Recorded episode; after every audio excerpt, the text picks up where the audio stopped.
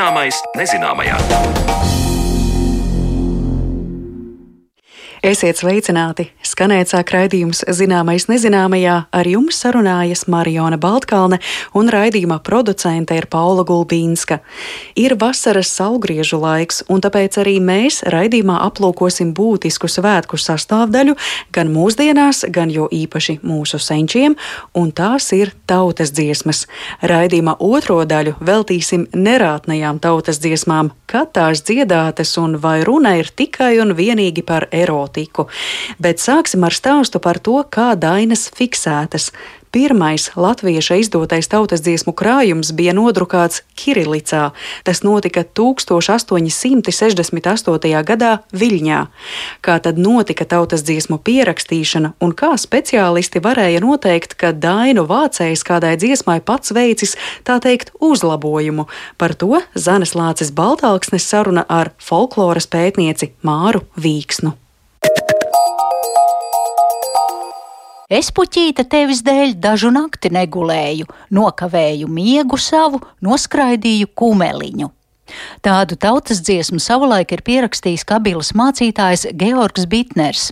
Kā teica mana sarunu biedrene, Latvijas Universitātes Literatūras, Folkloras un Mākslas institūta Latviešu folkloras krātuves pētniece un fondu glabātāja, filoloģijas doktore Māra Vīksna, tad skatot tautas dziesmu vākšanas un pierakstīšanas vēsturi, pirmie celmlauži bija vācu baltu mācītāji. Zināmākais no viņiem - folkloras pētnieks un valodnieks pētnieks Augusts Bīlensteins. Par to vairāk stāsta Māra Vīksna. Pirmie vākumi un pirmās grāmatas, protams, bija baltvācu mācītāji, kuri bija apģērbīgāki, gudrāki, dziļāki ieinteresēti latviešu tautā. Ļoti vērtīgi un ļoti skaists izdevums ir Georgam Bitneram 1844. gadā, kas ir viens no lielākajiem un, un pamatīgākajiem, un arī bija nopublicēta tikai puse. Vēlāk Krišjāns Barons teica, ka tās viņam ir viens no svarīgākajām dziesmām jo tās ir agrāk pierakstītas.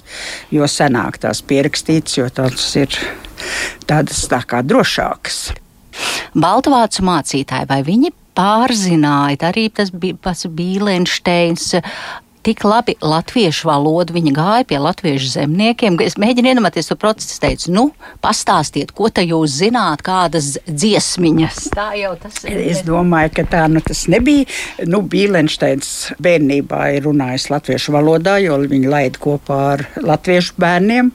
Daudz maz vai kā, tomēr es domāju, viņi visi zināja latviešu valodu.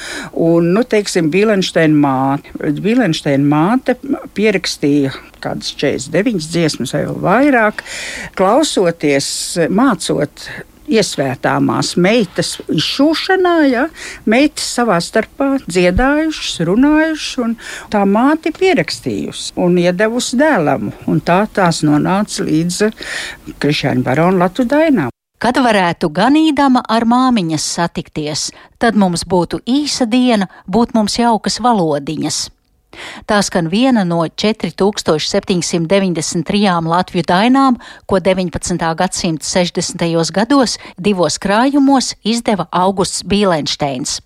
Kad jau vēlāk šo tautas gara mantu apzināšanā un apkopošanā iesaistījās tautas mūzikas vācējs Jānis Cimze un vēlāk arī jaunatvieši Krišāns Valdemārs un Krišāns Barons, Tad, lai cik paradoxāli neizklausītos, bet pirmais tautas dziesmu izdevums, ko veica Jānis Sproģis Viļņā, bija rakstīts slāvu burtiem, jo tas notika laikā, kad pēc poļu dumpja pastāvēja latīņu drukas aizliegums.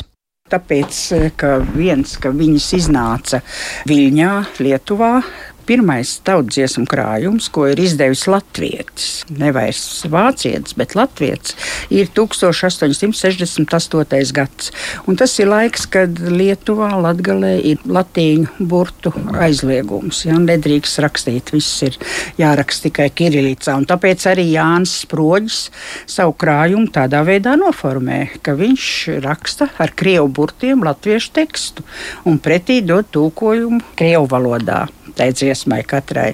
Pēc tam 1873. gadā brīvzemnieks izdod nākošo tautsdziesmu krājumu, un tas sakali Kirilicā, bet brīvzemnieks to izdod Krievijā, un tur nu nebija tāda aizlieguma.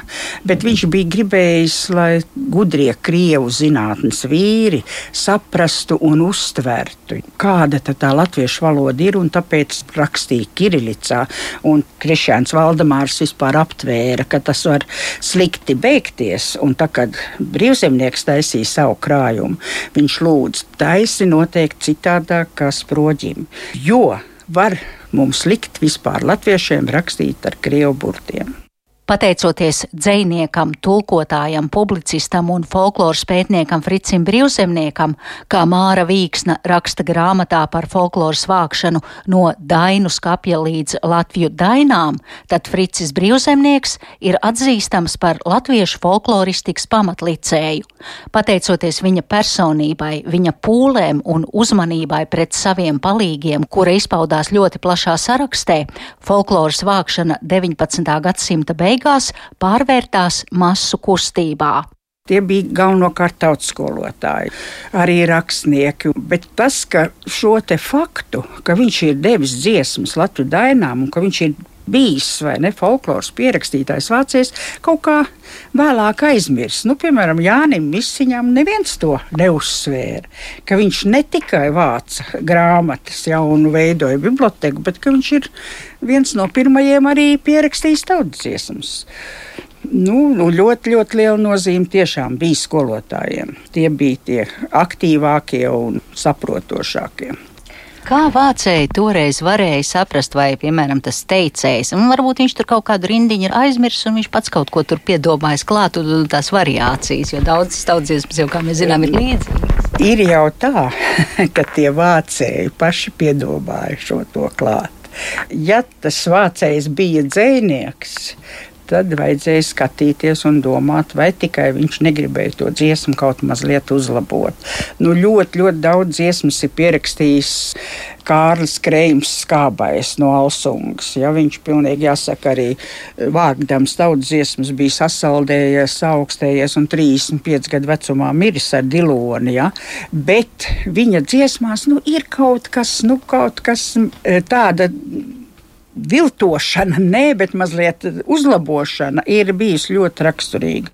Te ieskatām dažas pedagoga, literāta un folkloras vācēja Kārļa Kreima apkopotās tautas dziesmas, kurās, kā teica Māra Vīksna, ir jaušams paša autora, tā teikt, uzlabojums. Žūžu, žūžu, lāča lelle, kas tev kāra šūpulīt, manu skāra tēvs māmiņa priežu balku istabā. Stirniņa sila lēcējiņa, nav pieniņa devējiņa, sveša māte rājējiņa, nav padoma devējiņa. Kā skaidro folkloras pētniece, tad par dziesmas pierakstītāja dzīskajām dotībām un tieksmēm liecina tas, ka dziesma ir tikai vienā variantā, un var redzēt, ka šīs dziesmas neietilpst savā kanonā un ritmā, un tajās ir kas pielabots. Nu, bija jau arī ļoti klasiska viltošana, ko varēja un gribēja, un īpaši kaut ko sagudroja.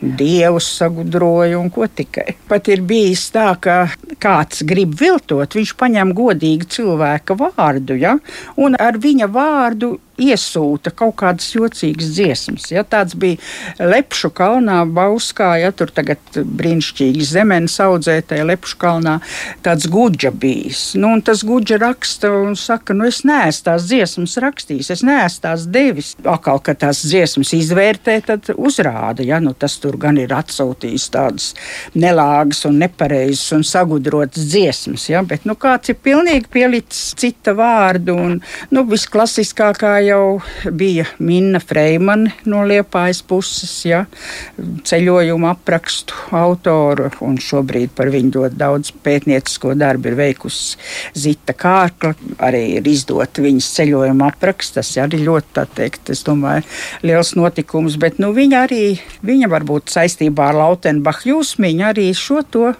piedomāju. Jo galvenais, kas ir, ka viņa raksta brīvzemniekam, es pierakstu tautas dziesmas Parīzē un Nicā. Nu, tā tad jāpieraksta ir tomēr no kāda avota, un tas avots ir viņa pati. Līga viņa mani rāja, kam es dzēru alutiņu, cieštu miegu līga viņa, es cietīšu alutiņu. Vēja māte, vēja māte, aiztais savas nama durvis, lai nedzird sētiņāja, tavus dēlus baramies. Jupis brauca olu tiltu, āboļainu kumeliņu, sperpērkonis olu tiltu, drebdieviņa kumeliņš. Šīs tautas dziesmas pieder Minnas Freimans dzejiskajai izpausmei. Kā jau Māra Vīksna minēja, tad Minnu Freimani iespējams ietekmēja sarakste ar dzējnieku un valodnieku Jēkabu Lautenbahu Jūsmiņu, kurš aizrāvās ar tautas garamantu atdarināšanu. Iespējams, ka visas dziesmas Minna Freimane ir pierakstījusi pēc atmiņas, un piemirstās vietas ir papildinājusi, pamatojoties uz savu izjūtu, bilst Māra Vīksna. Vai tika noteikts, kādā formā, kā ir jāraksta, jo es saprotu, jau barons pēc tam uz tām lapiņām pats, vai viņš arī tomēr eh, nodeva to ziņu tālāk, lūdzu, rakstiet tur un, un kā? Tas eh, tika eh, avīzēs sludināts, rakstiet uz tādu izmēru lapiņām, lai var tikai piegriezt, lai var tikai sagriezt, un barons jau pats arī pārakstīja vienu pusi lapai, un otru piegriez šīs dziesmas, un tad tur parādās ļoti burvīgi, ka tur daži ir tik sīki, ļoti ļoti, ļoti smalki rakstīja Ernsts Dinsbergs. Ja, viņam ir nu, maziņi, maziņi, tā kā Krišāns Barons ņēma viņa mazās lapiņas un līmēja uz tām savām lapiņām 3x11 cm. Ja, tās, kas ir Dainas kapja pamatlielums lapiņu. Tā bija tāds rūīga no sinolas. Tas rakstīja ar tādu žestu, ja viņam divas lapiņas tajās tikai ietilpa četrindīte. Katrā tajā lapiņā tikai divrindīte. Nu, daudz jau vajadzēja pārrakstīt, un teiksim, to, kas tika sūtīts uz Jēlgavu, to Miks Kruzīts pārrakstīja Pēterburgā. Un Henrijs Visendorfs, ja, viņš gan ļoti stingri saviem cilvēkiem, ar kuriem viņš tikās, un tie galvenokārt bija saistībā ar Pēterburgu, ja tur bija visi eh, Latgales bīskapi studējošā jaunatnē, kas vēlāk bija eh, cienīgi tēvi. Viņiem jau lūdza rakstīt uz šīm izmēra lapiņām, kā jāraksta. Viss tika izskaidrots, jāparaksta savs vārds, vieta, kur tu esi pierakstījis, un tad tikai varēja piegriezt. Līdz ar to Dainu skapī glabājās ļoti, ļoti daudz oriģinālu rokrakstu. Pie visām dziesmām mums allaž vispirms ir jāvaicā, kad, kur un kas viņas dzied. Un, ja arī mēs viņas negribam saprast greizi, mums jāievieto katru dziesmu tur, kur tā patiesi dziedama, kur pati tauta to lietā. Tā ir rakstījis Krišāns Barons Latviju Dainu pirmajā sējumā. Bet tā tautsdziesma bija īpašā vietā, īpašā laikā. Barons jau skatījās, kas kur kad dziesmu dzied. Un tas jau ir eh, barona augstākais sasniegums, ir eh, tieši viņa sistēma, ka viņš ir sasaistījis tautas dziesmu ar tautas dzīvi.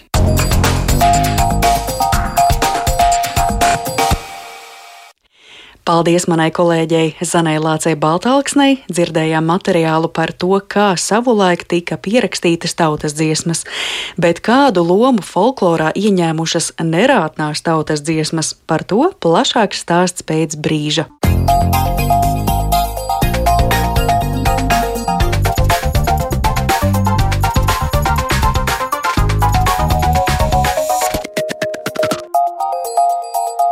Zināmais nezināmajā. Augsta likumība, garīgās vērtības un atbilžu meklējumi fundamentāliem jautājumiem - tas ir latviešu dainu centrālais kodols. Kāda loma un vieta šajā mantojumā ir nerātnējām tautas dziesmām, kad tās radušās un kādam mērķim kalpojušas? Par to mēs raidījuma turpinājumā sarunāsimies ar Latvijas Universitātes profesoru un etnomuzikologu Valdi Muktu Pāvelu. Labdien! Labdien! labdien. Valdi, mēģinot atrast informāciju par nerātnajām dainām un nerātno dainu krājumiem, es lasu, ka šīs dainas kā atsevišķu dziesmu grupu grupu savulaik izveidoja mūsu dainu tēvs Krišjānis Barons, un, piemēram, sagatavojot publicēšanai Latviju dainas, daļu dziesmu viņš atlasīs atsevišķi pēdējam, sastajam sējumam, kas nemaz nebija pieejams brīvā tirzniecībā, un eh, sējums bija iegādājams tikai vēršoties personiski pie tā veidotāja un rakstiski apliecinot, ka tas tiks izmantots tikai individuālām vajadzībām. Un arī barons pats sējuma ievadā ir precīzi paskaidrojis, kāpēc tā darīts. Un vēl citā materiālā es atrodu, ka Latviju tautas dainu 11. sējumu 1932. gadā izdevumā sākuma lapā rotājas teksts šo sējumu atklātā tirgū pārdot aizliegts. Tātad mēs manām, ka tas eh, ik pa laikam parādās, visos gadījumos kaut kāda cenzūra ienāk. Nerātnās dainas, kas ir zināms par to izcelsmi un arī par krājumiem, kuros tās ir apkopotas, cik daudz? Nu, man liekas, jūs ļoti pareizi pieminējāt Dainas, kuru krājuma autors ir Dainu tēvs. Es pat teiktu plašāk, tā ir diezgan savādā zinātnes interpretācija, pareizāk sakot, ierobežojumi brīvai zinātnē, kas 19. gadsimtā un arī 20. gadsimta pirmajā pusē vēl pastāvēja.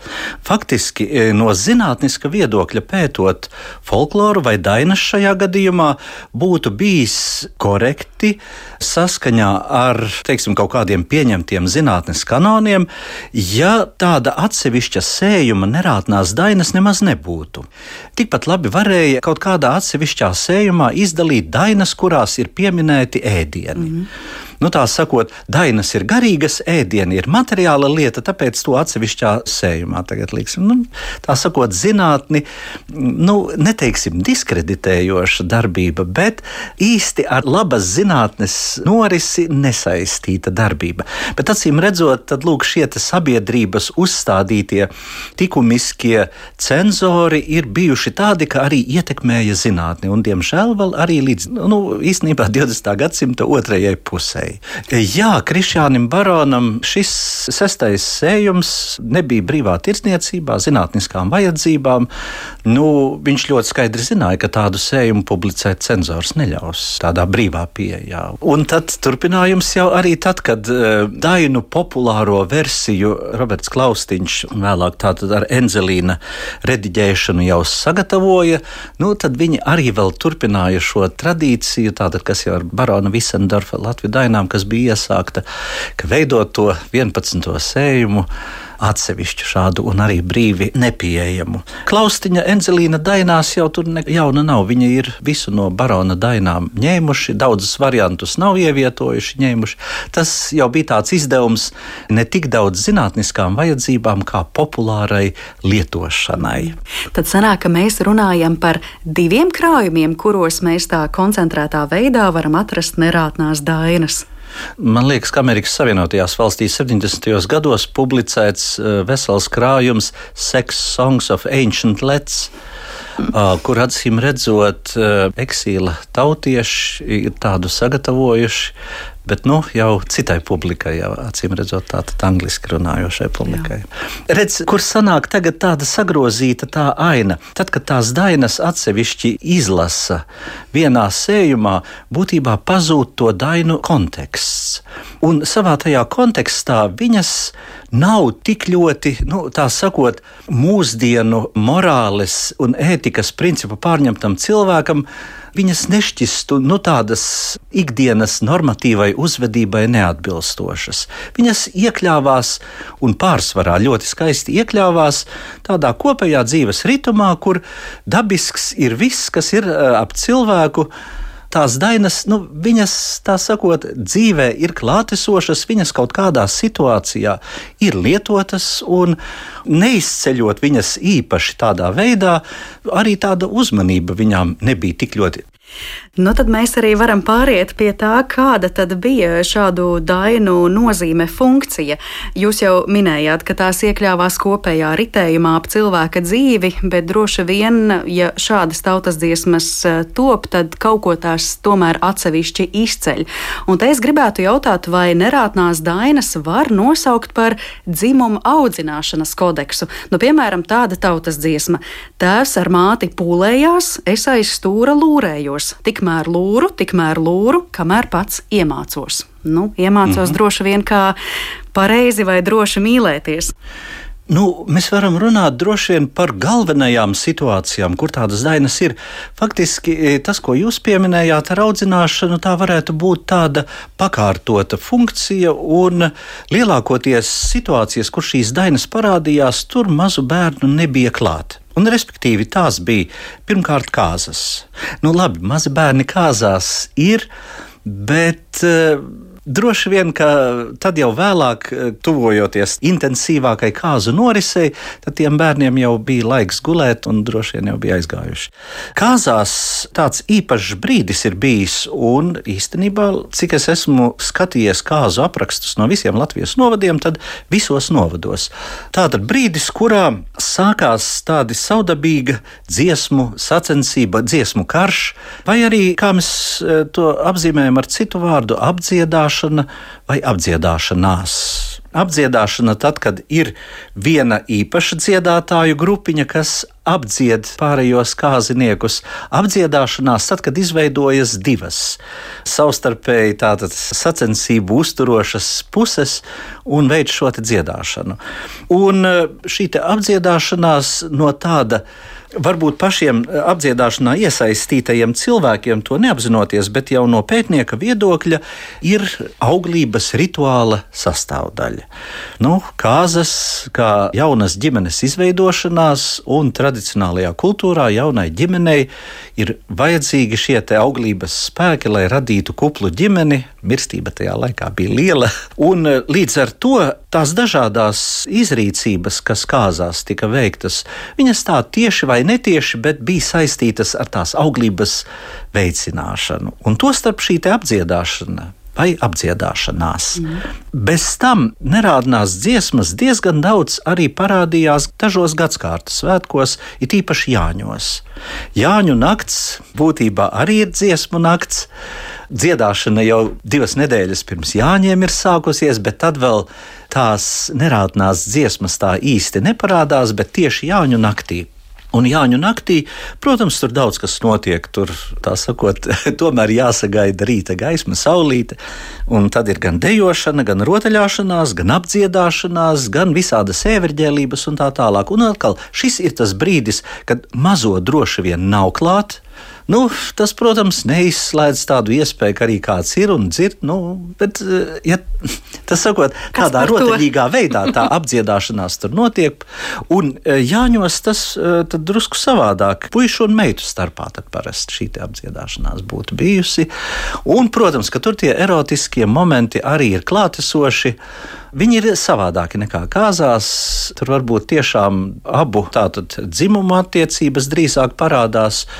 Un eh, vairāk vai mazāk detalizēt, nu, tas atkal ir jautājums, kādā līmenī ir eh, tā jautrība, atļaušanās, Jo īstenībā arī tradicionālajā kultūrā, neskatoties uz tādām situācijām, kuras it kā pieļauj šādu dziedāšanu, bet arī tur darbojās tomēr tas likums meitām būt kautrīgām un tā tālāk. Bet nu, kādu brīdi tā kautrība kaut kur paiet sāņus mazliet un tad atraisās. Nu, lūk, vēl viena situācija, kas arī ir aprakstīta literatūrā, ir talkas. Talku noslēgums apjomības, un tur arī parādās, teiksim, rotaļas, kuru viens no elementiem ir simbolisks fals. Tātad burkāns, divi sīpoli vai divi āboli un diļu pušķītis. Un tad puišu meitu starpā tur tāda rotaļīga sacensība un arī apdziedāšanās. Pirms, pēc tam, nu, vārds sakot, arī šajā te rudens talku noslēguma brīdī. Ražas novākšanas talka. Būtībā, jā, vai nu labības, vai linu plūkšanas talka. Eh, literatūra aprakstīja tieši linu plūkšanas talkas nobeigumā šāda rotaļīga darbošanās, kas arī tālāk noved līdz apdziedāšanai puišu meitu starpā. Nu, šajā gadījumā tad simbols fallam ir dārzeņi, burkāni, bet Jāņu tradīciju saistībā pats Jānis vai Jānītis šķiet ir simbols fallam, dzimumu orgānam. Droši vien, ka šeit būtu jāatsaucas uz pētnieku Jāni Albertu Jansonu. Un eh, viens viņa raksts ir par mūsu traģēdijas sākumiem Jāņos un Dievainēs. Un eh, tad rakstot šo, viņš tā iezīmēja, ka Jāņi, ja vasaras salgrieži, un tad viņš pieminēja trīs kultus, kuru apvienojums ir Jāņi, un tie viņam bija saules, auglības un falla kults. Nu, būtībā no tāda pētnieciska viedokļa auglības un falla kults nu, ir viens un tas pats, bet viņš kaut kādā veidā vēl to fallu gribēja izcelt īpaši, un tad šādus trīs ir pieminējis. Līdz ar to, protams, tas ir jautājums tālāk, kā tad vasaras salgriežos, kur tad mēs redzam šos te kultus, un Es drīzāk teiktu tā, ka tur nav atsevišķu šādu kultu, bet eh, šie trīs varbūt tādi kultiskie elementi vai trīs eh, konteksti, viņi ir klātesoši visās praktiski Jāņu darbībās, dziesmās, tekstos simbolikā, visur viņi ir klātesoši. Tātad jūs Jāni pieminējāt. Mhm. Jānis kā simbols fallam, jā. Redz, tā īsti nevar teikt, jo faktiski ar Jāni nav tik vienkārši. Jānis visdrīzāk šo vārdu varētu skaidrot kā sinkrētisku. Pirmskristīgā Jāņa apvienojumu ar bībelisko Johānu. Svēto Jāni. Būtībā tā ir Svētā Jāņa diena. Dažiem cilvēkiem vairāk ir nostiprinājusies tā ideja, ka Jānis ir šis no bībeliskās tradīcijas nācis vārds. Tāpat laikā Konstantīns Karulis savā latviešu etimoloģijas vārnīcā Jāni apskata kā atvesinātu no darbības vārda jāt. Un kas jāja, būtībā atkal skatāmies tagad vasaras salgriežu dziesmās, Jānis jāja kumeļā, zemerība, pār mežiem cepurīte un tā tālāk. Bet Jānis arī jāja meitas. Un lūk, šie abi aspekti ir apvienoti tajā vārdā Jāt. Jānis ir tas, kas veic abas šīs darbības. Un saistībā ar vasaras salgriežiem abas šīs lietas ir rituālas, abas ir kultiskas. Tas ir ar Jāni. Jā. Nu, redz, Jānis jāja, jāja kumeliņā, jāja. Un ja mēs paraugāmies uz šīm tautas dziesmām, tad šī simbolu valoda un tieši kumeliņš arī ienāk ļoti daudz. Jūs teicāt, ka Jāni mēs nevaram tā viens pret vienu, ja, likt pretim fala simbolam, bet kā ar kumeliņu un citām lietām, nu, piemēram, dzimumakts, vīriešu un sieviešu dzimumu orgāni, nu, tas viss parādās tādā simbolu valodā. Piemēram, dzimumakts kā blūzi plusu dzīšana pār meitiņas vēdergalu. Tālāk šis kumeliņš. Nu, tas izskatās nav vienkārši kumeliņš, jā, piemēram, velc puisīti bikses nost, nāc pie manis klāt gulēt, es tev došu ezeriņu, kumeliņu peldināt. Jā, jā. Nu, redz, un ja vīrietim kumeliņš, tad sievietei ezeriņš vai, piemēram, rožu dārs. Došu, došu meitiņām, ko vakari solījos, došu savu kumeliņu, rožu dārzu noecēt. Jā, ļoti skaisti, bet es gribētu mazliet precizēt, un precizēt tādā ziņā, ka mēs nevaram dainās, dainu valodā viennozīmīgi tātad vārdiem piešķirt vienu noteiktu nozīmi un tikai. Parasti dainas ir daudzslāņainas, ļoti daudzslāņainas, un faktiski šī nozīme, tagad, par kuru jūs runājāt, protams, ka ir klātesoša. Viņa nav vienmēr, viņa varbūt kādā situācijā tiek pastiprināta. Nu, labi, šeit jau citāda interpretācija mazāk iespējama. Bet attiecībā uz kumeliņu, protams, ka ir dainas, kur kumeliņš ir kumeliņš. Mm. Un tāpat laikā, acīm redzot, arī tur, kur viņš tiešām ir kumeliņš, tur drusku kā tāda niansīte parādās. Nu, vismaz zemapziņā kaut kur ir nogulsnējušies Jāņos, ka tas kumeliņš izrādās nav lūk, tas kumeliņš, kas stāv, bet tas ir cits kumeliņš. Un Tā ir tā dainu būtība. Man atkal cits piemērs, kur es gribu pateikt, tā tad Jāņa e, zāļu maģija tur un tā tālāk, un ļoti daudz dziesmas mēs zinām viena pati Jāņu zāle. Tur ļoti daudz variantu šai dziesmai, bet tā ir tāda formula, lūk, Daina iesāks viena pati Jāņu zāle, zelta poga galiņā. Un tad, kas tā tāda Jāņu zāle, viņu var traktēt gan kā tiešām vienu no Jāņu zālēm ar to zelta poga galiņā, tur parādās vēl tā mistērija meklēt to īpašo Jāņu zāli naktī, kas bieži vien eh, sasaistās arī ar papardes tematiku. Viena pati Jāņu zāle zelta poga galiņā arī ir, piemēram, uguns, kas ir staba galā. Un lūk, šī uguns staba galā ļoti raksturīgs pundele, Jāņu ugunsveids. Mūsdienās gan tik daudz viņu netaisa, bet izskatās, ka tradicionālajā kultūrā ir bijis ļoti izplatīts. Un šis stāps ir diezgan zīmīgi. Ir izrotāts ar ozolu lapu vītnēm. Ozols ir vīrietis, ozols ir puisis. Tātad šis stāvus saslietais stāps pret debesīm vēl uzsvērti ir izcelts kā vīrišķais. Un tad interesanti, ka parādās dažas dainas, kur jau konkrēti parāda tieši šī vienas pašas Jāņu zāles to fallisko aspektu. Jo e, otrā rindiņa tā tad viena pati Jāņu zāle, brīžam stāvu, brīžam gulu. Ja tā stāvu nestāvētu, nebūtu kāzu nekrustabu. Ko es ar šo gribēju parādīt? Cik daudz dažādos aspektos viena pati Jāņu zāle parādās, un viņi visi ir klātesoši. Vienīgi vienā situācijā viens stiprāk, citā gadījumā atkal mm. citi aspekti parādās stiprāki. Un mēs nevaram viņus tā nodalīt stingri, ka lūk, viena pati Jāņu zāle ir falsa. Un kā tad ir ar papardi? Paparda jau tik daudz parādās kā vieta, kur baudīt tos mīlestības priekus. Un kur parādās Vai... Es neesmu atradis tādas. Tas ir mūsdienu interpretācija. Faktiski te man jāatsaucas uz Rūtu Muktpāvelu. Viņa savulaik publicēja arī tādu pētījumu par šamaniskajiem motīviem latviešu un lietuviešu tradīcijā. Un tieši šo papardes motīvu apskatīja. Un kur viņš visvairāk ir fiksēts? Tie ir ticējumi. Un ja mēs paskatāmies ticējumos ar papardi, kas tur parādās, tur neparādās nekādi mīlestības prieki. Tur tieši otrādi. Tur cilvēks dodas Jāņu naktī viens uz mežu, un uh, tad tur ir viņam jāsagatavojas, jo nāks tur visādi gari, ļauni, nedrīkst tā sakot, nobīties, kontaktēties ar viņiem, paskatīties viņiem un tā tālāk. Un uh, tad arī fokusēšanās vajadzīga, un tad viņš ieraudzīs papardes ziedu. Un, ja ieraudzīs papardes ziedu, tad viņam būs īpašas spējas, un viņš varēs darīt to, to un to un to.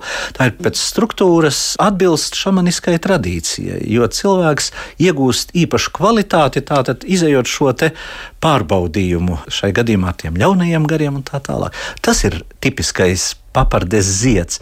Bet acīm redzot, tas motīvs, ka lūk, dodas uz mežu prom no citiem, lai citi neredzētu, ir kaut kādā veidā rosinājis mūsdienu cilvēkiem tur pielikt klāt, nu tad tur vajadzīgs arī kāds otrs, un tad e, viņi dara to, ko lai citi neredzētu. Mm -hmm. Bet tā ir jau mūsdienu interpretācija. Skaidrs. Atgriežoties pie nerātnējām dainām, tur var būt vairāki slāņi, bet eh, pārlapojot, atkal pāršķirstot vairākas šīs dainas un mēģinot nu, kaut kā to vēstījumu saprast, eh, nu, es eh, varu izvilkt kaut kādas atziņas, ko mm, šajās dainās cilvēki ir mēģinājuši atspoguļot. Nu, man tā šķiet, ka varbūt stāsts ir par to, ko nozīmē būt seksuāli apmierinātam, nu, piemēram, tautas dziesma. Es iešuju vīriņam vienu pašu bikšu pogu, lai nav daudz jāpogā, ik rītiņus, ik vakarus. Tad vēl man ir sajūta, ka varbūt cilvēki arī runā par to, ka viņiem patīk, ja viņu partneri ir sakopti arī intīmajās ķermeņa daļās, piemēram, divi irbītes ceļu tek, nosukātu cekulīti, kā nav kauna Jānītim, nesukāts kumeliņš. Nu, tad es vēl saredzu arī, piemēram, dzimumu tieksmi, stāvu stāv tev tautieti, ja tev stāvu, man gatava, ja tev stāvu oša zars, man gatava liepas sile. Nu, es te tā varbūt diezgan vienkāršoti izvilku kaut kādas tēzes par to, ko mūsu senči ir mēģinājuši aprakstīt, bet, nu, vai tā var teikt, jā. Nu, tas, ko mēs atrodam nerād no dainu krājumā, tās ir ļoti dažādas mm. dainas.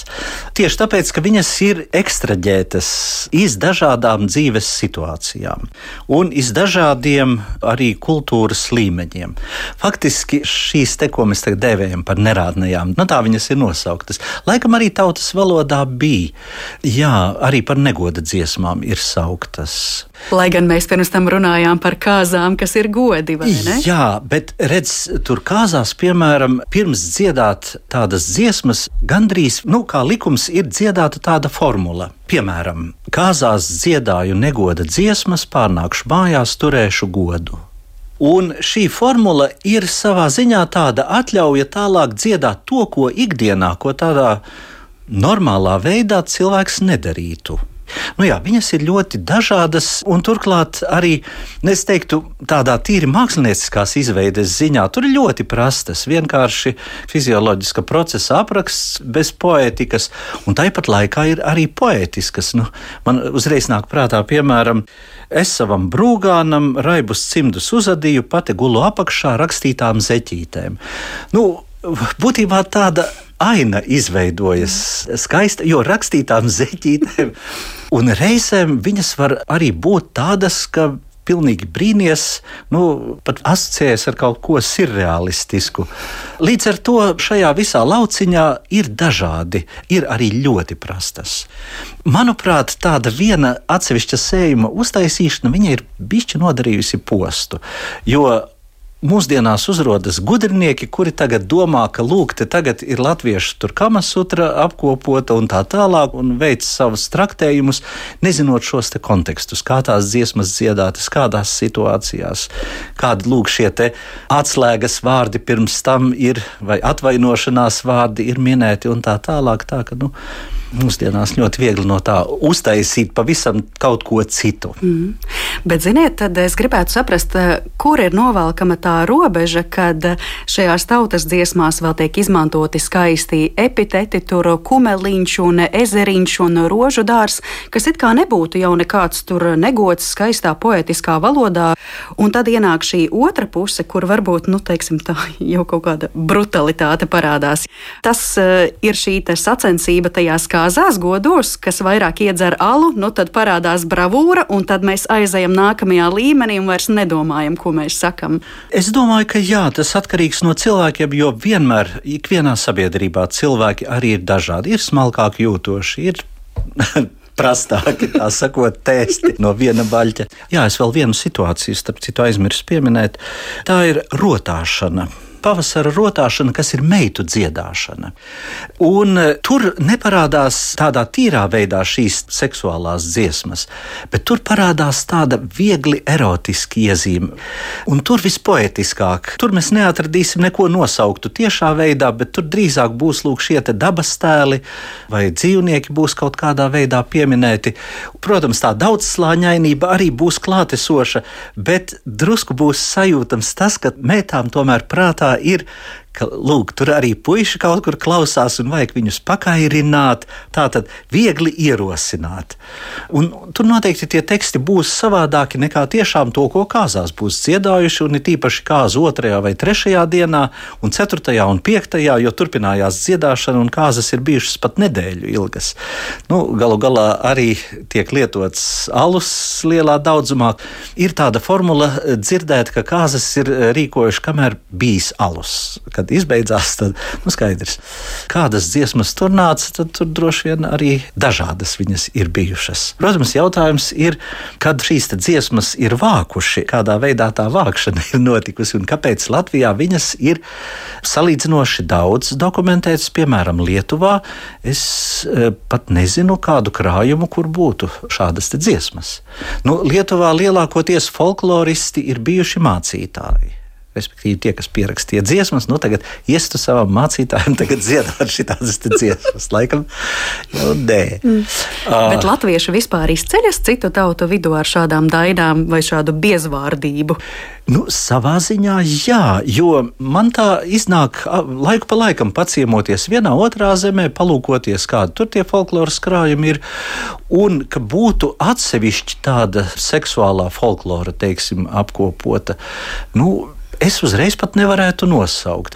Nu, ir dzirdēts, piemēram, krievu tradīcijā, tur varētu parādīties tas častušku žanrs, un tur ir uh, arī apakšgalu tās častuškas.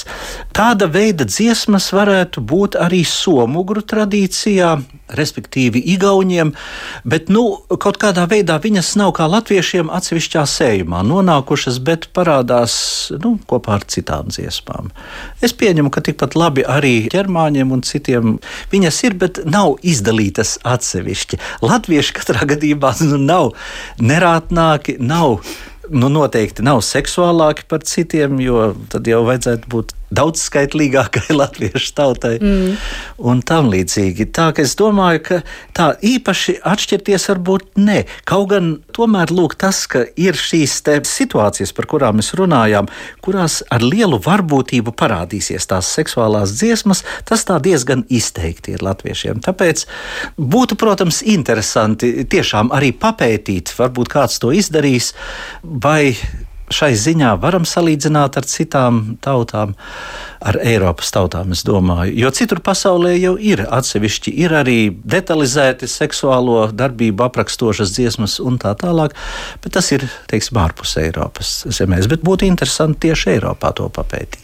Nu jā, jūs teicāt, ka nav īsti pareizi teikt, ka šāds krājums ar nerātnējām dainām būtu dēvējams par eh, latviešu kamasutru, bet nu, kaut ko jau tas par mūsu senčiem pasaka, ka viņi bija karstasinīgi un varbūt tāpēc mums ir vērts atgriezties pie šīm dainām, lai eh, saprastu, ka asinis riņķoja arī mūsu eh, tēviem un mātēm. Piemēram, arī tautas dziesmās lasām, kā citēju māsiņas var sadalīt vienu puišķieniņu vai var varbūt jau kur kāda meita ir pārāk uzmākusies tautu dēlam, piemēram, aktu sila vāverīte, kam traucēja kumeliņu, man izgaisa ūdra josta, skaista cauņu cepurīte. Nu, par to, kā meita ir aptīrījusi tautu dēlu. Es esmu redzējis arī, ka kāds ir mēģinājis tur visādas pozas atrast un tā tālāk. Bet eh, tajā apdziedāšanās brīdī tur ir ļoti svarīgi, kas ar to dziesmu, kāds vēstījums ir nodots. Jo viņu visdrīzāk nevar tādā burtiskā veidā tulkot tajā kontekstā iespējams, ka viņa nozīmē varbūt vienkārši kaut kādu humoru. Jo, piemēram, ir dziesmas, kur vispār kaut kas dīvains, tur uh, uzakmeņa gunikūru, caurmēnesi diegu vilku un tā tālāk. Nu, sāc tagad burtiski Jā. tulkot šo dziesmu. Nu, ko tad, ko latvieši ir tādu supermaģiju, kosmisko maģiju tur piekopuši un tā tālāk. Un tieši tāpat mēs varam izraut arī šīs dziesmas no konteksta un teikt, ka tur latvieši ar dzīvniekiem tur kopojušies un, un darījuši to un to. Bet nezinot to situāciju, man liekas, tas ir garām. Studēt uh, tradīcijas, apskatīties to pēc iespējas tādā veselumā, ar dzīvi, ar darbiem, ar filozofiju, un tad mēs varam droši vien vairāk sajust, kas tas konteksts varētu varētu būt bijis un kāds vēstījums ar to dziesmu. Sakiet, šādas nerātnās dainas, vai tā mēs varam piedēvēt arī nu, kaut kādu maģisku nozīmi, proti, vai mēs tās varam dēvēt arī par spēka vārdiem? Nu, varbūt tās, kur parādās jau tā patiešo tāda brutalitāte, grūti tā teikt, bet vai tā ir? Spēka vārdi, jeb maģiskās formulas, buram vārdi Nu, tie ir apkopoti īpašos krājumos. Straubergam ir lūk, šie divi sējumi, latviešu buramvārdi. Un, tur faktiski mēs neatrodam šos seksuālos simbolus klātesošus. Tā ka, nu, Uz jūsu jautājumu es teikšu, nē, drīzāk nē. Ir, protams, cita lieta, ka, mm, teiksim, nu labi, mēs tagad par Jāņiem šeit runājām. Arī Jāņos tāda auglības maģija, bet viņa neparādās nu, tādā tiešā veidā. Jāņi jau paši, kā līgošanas ieraža savā kopumā, ir jau ar šo auglības maģijas tādu virsuzdevumu. Un tas izpaužas visos līmeņos. Tād, mēs te runājām par tādu tēlaino līmeni, tas izpaužas piemēram piedziedājumā, līgo. Mhm. Kas nozīmē, lai top? Nē, šī nozīme, ka līgo ir lai top, tā tiešām ir radusies burtiski pēdējo 30 gadu laikā. Un faktiski tur ir viens pārpratums, un tas pārpratums ir tāds. Ir cilvēki, kuri kaut kādas, teiksim, divās valodās esošus vārdus salīdzina, ah, līdzīgi tie vārdi skan, tā tad viņu nozīme arī ir mm, salīdzināma. Un lūk, šis te pārprastais līgo skaidrojums ir radies no tā, ka lībiešu ciemos, lai top, ir viens cits vārds lietots - līkop skan līdzīgi kā līgo. Bet tas līkop ir būtībā apliecinājums, ka zvejnieks ir salīgts uz zvejas sezonu. Tas ir kā līgums. Līkop pats vārds izcelsmes ziņā ir ienācis no Baltijas jūras reģiona. Faktiski tā izcelsme viņam ir Ziemeļvācija, Holande. Teiksim, tur viņš lejas vācu valodā līkop, viņš tā arī skan. Būtībā tas ir tāds apstiprinājums, lai top, tu tagad esi manas komandas dalībnieks visu šo sezonu, mēs ar tevi tagad zvejosim. Tagad nāk cilvēki, kuri nav iedziļinājušies, tā sakot, tradicionālajā kultūrā, kuri tā paņem, ah, līkop, līgo, lai top. Būtībā līgo nozīme ir saistīta ar ko citu.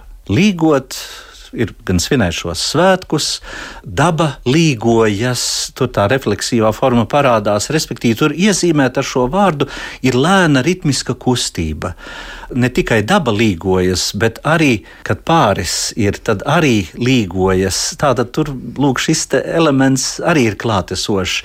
Un interesanti, ka 20. gadsimta sākumā parādījās viens baltvācu pētnieka Trautfetera raksts. Nu, tajā laikā bija tās indoeiropeiskās teorijas, valodnieciskās teorijas bija diezgan populāras. Un uh, nāca tas salīdzinājums ar sanskritu, tātad Indijas sakrālo valodu. Un tad, lūk, šis trautveters tagad padomā, pak, bet līgo varbūt arī varētu kaut kādā veidā salīdzināt, bet pašu līgo vēl nē. Tad viņš mm, paskatījās, ka lietuviešu valodā, kas mums ir radniecīga valoda, tur ir lingo. Un lingo ir kā pieciedājums vienā arhaiskajā lietuviešu dziedājumā, sutartīnēs. Tur reizēm parādās lingo, lingo, ratato. Un lingoti lietuviski arī ir tāpat kā latviešu līgot.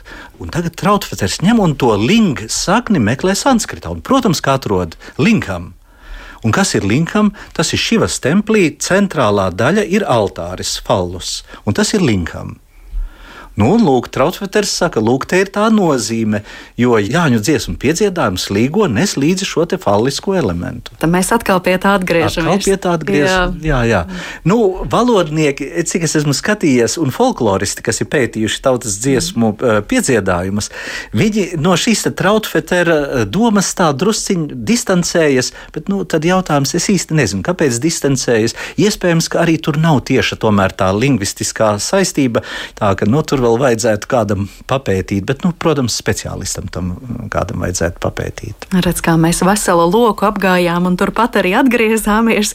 Vairāk kārt jau mūsu sarunā arī minējām, ka nevar vienkārši paņemt tautas dziesmu un tagad izvilkt, ka šī tautas dziesma ir par to un to, bet, piemēram, vai mēs eh, atkal šajās nerātnējās dainās manām, ka tur tiek runāts par to, kā pārim droši līgoties, ja mēs tādā mūsdienu kontracepcijas izteiksmē runājam, vai tas vēl senčiem nebija aktuāli?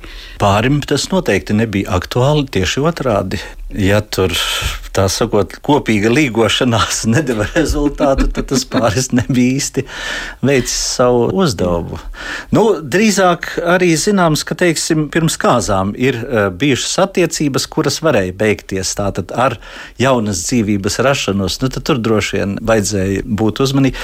Bet es tomēr par tām dziesmām gribu teikt, ka to vienu kodolu var dziesmām izvilkt, bet viņas visdrīzāk nevar viennozīmīgi traktēt. Jo mūsdienu domāšana prasa cilvēkam skaidrību, ka lūk, tajā dziesmā ir tas un tikai tas. Jā. Bet tādas viennozīmības tajās dziesmās nav. Kodolu mēs varam, mēs varam esenci kaut kādu izvilkt un tā tālāk, bet jautājums par tiem dažādiem līmeņiem. Jā.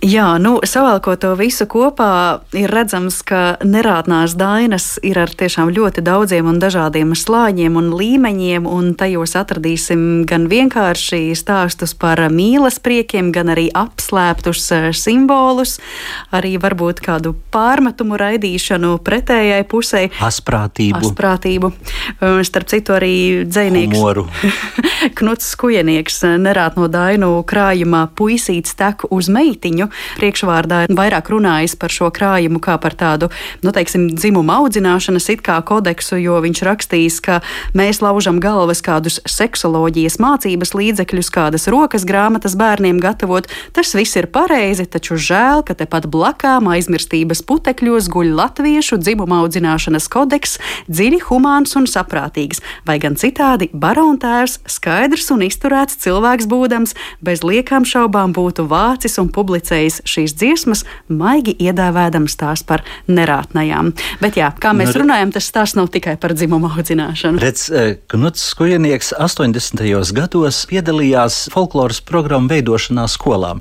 Tad viņam tas pedagoģiskais jā. aspekts tajā brīdī, 80. gadu vidū, eh, viņam bija svarīgs.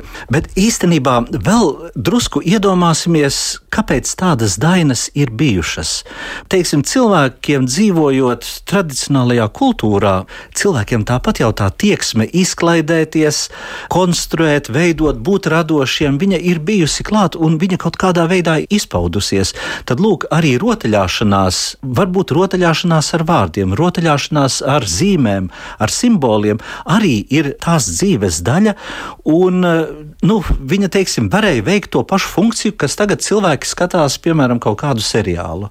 Nu, lūk, tad tur šāda seriāla funkcijā bija, piemēram, asprātības demonstrēšana, liekot kopā kaut kādus tēlus, tostarp arī erotiskos, seksuālos tēlus, un izveidojot nu, tādu izklaides vakaru sataisot. Nu, kāpēc ne?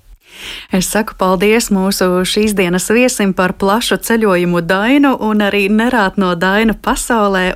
Atgādināšu, ka zināmais nezināmajā studijā šodien viesojās Latvijas Universitātes profesors un etnomuzikologs Valdis Muktu Pāvels. Un ar to mūsu raidījums arī izskan. Par to parūpējās producente Paula Gulbīnska, par mūziku gādāja Girts Bišs, skaņu režijā bija Nora Mitspapa un pie mikrofona bija un arī pa laikam smējās Mariona Baltkalne. Lai daba skaisti līgo, lai iespēja arī mūsu klausītājiem veselīgi līgoties un lai priecīgi Jāņi. Visu labu! Līgo, līgo!